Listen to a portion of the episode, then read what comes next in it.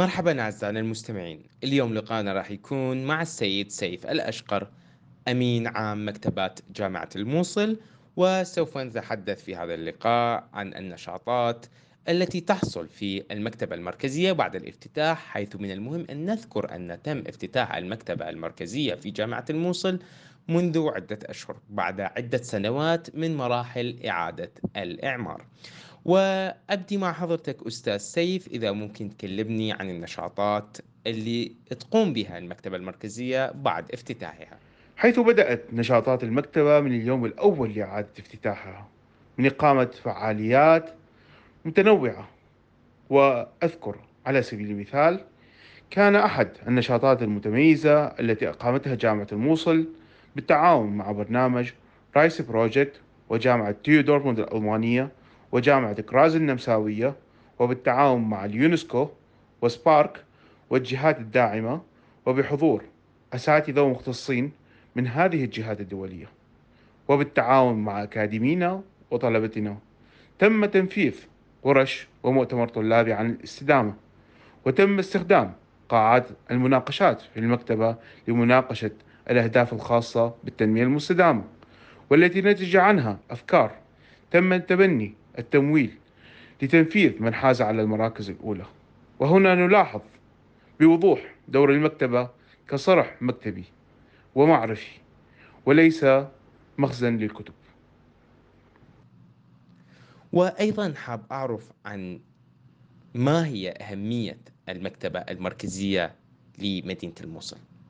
تستقبل المكتبة الآن ما يقارب الألف مستفيد منذ اليوم الأول لإعادة افتتاحها من طلبة وباحثين وأكاديميين ومهتمين وزوار دوليين من شخصيات رسمية وشخصيات مؤثرة وأيضا زوار محليين سواء من محافظة نينوى والمحافظات الأخرى والزيارات المدرسية والطلابية من الجامعات الأخرى وأيضا الزيارات التي يقوم بها زملائنا في الإعلام والصحافة بكافة أنواعها حيث لهم دور فاعل في إيصال الحقيقة. ويتم تقديم الخدمات المتنوعة حسب طلب المستفيدين سواء من خلال توفير جو للقراءة والدراسة. وهذا ما هو واضح جدا الآن خلال فترة الامتحانات. وأيضا توفير المصادر بكافة أنواعها. وفي بعض الحالات نطلب من الجامعات الأخرى توفير المصادر للمستفيدين في حال معرفة المستفيد بمكان وجود المصدر محليا ودوليا.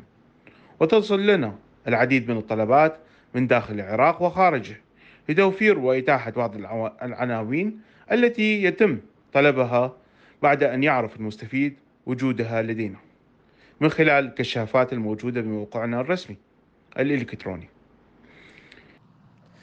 ما هي طموحاتكم وآمالكم للمكتبة أستاذ سيف؟ هنالك خطط استراتيجية جاري عمل لتنفيذها من خلال تنظيم الزيارات لتوثيق التعاون وكذلك العمل على تنفيذ برامج مع اليونسكو بالإضافة للجهات الداعمة والتي سنذكرها عندما يتم الإعلان عنها. كذلك أتمنى من الجميع على دعمنا بكافة أشكال الدعم كون المكتبة بحاجة لذلك.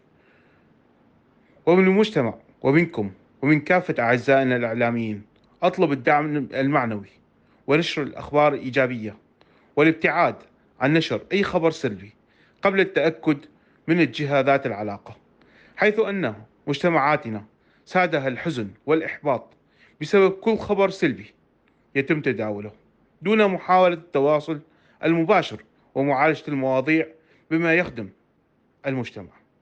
ودورنا في المكتبة المركزية لا يقتصر على تقديم الخدمات وإنما أيضا بث البرامج التوعوية المجتمعية بالتكاتف مع كل من يمتلك الالتزام اتجاه المجتمع والإنسانية. شكرا لكم. سيف الأشقر الأمين العام لمكتبات جامعة الموصل مدير المكتبة المركزية. أعزائنا المستمعين نشكر السيد سيف الأشقر ونشكركم لحسن الاستماع.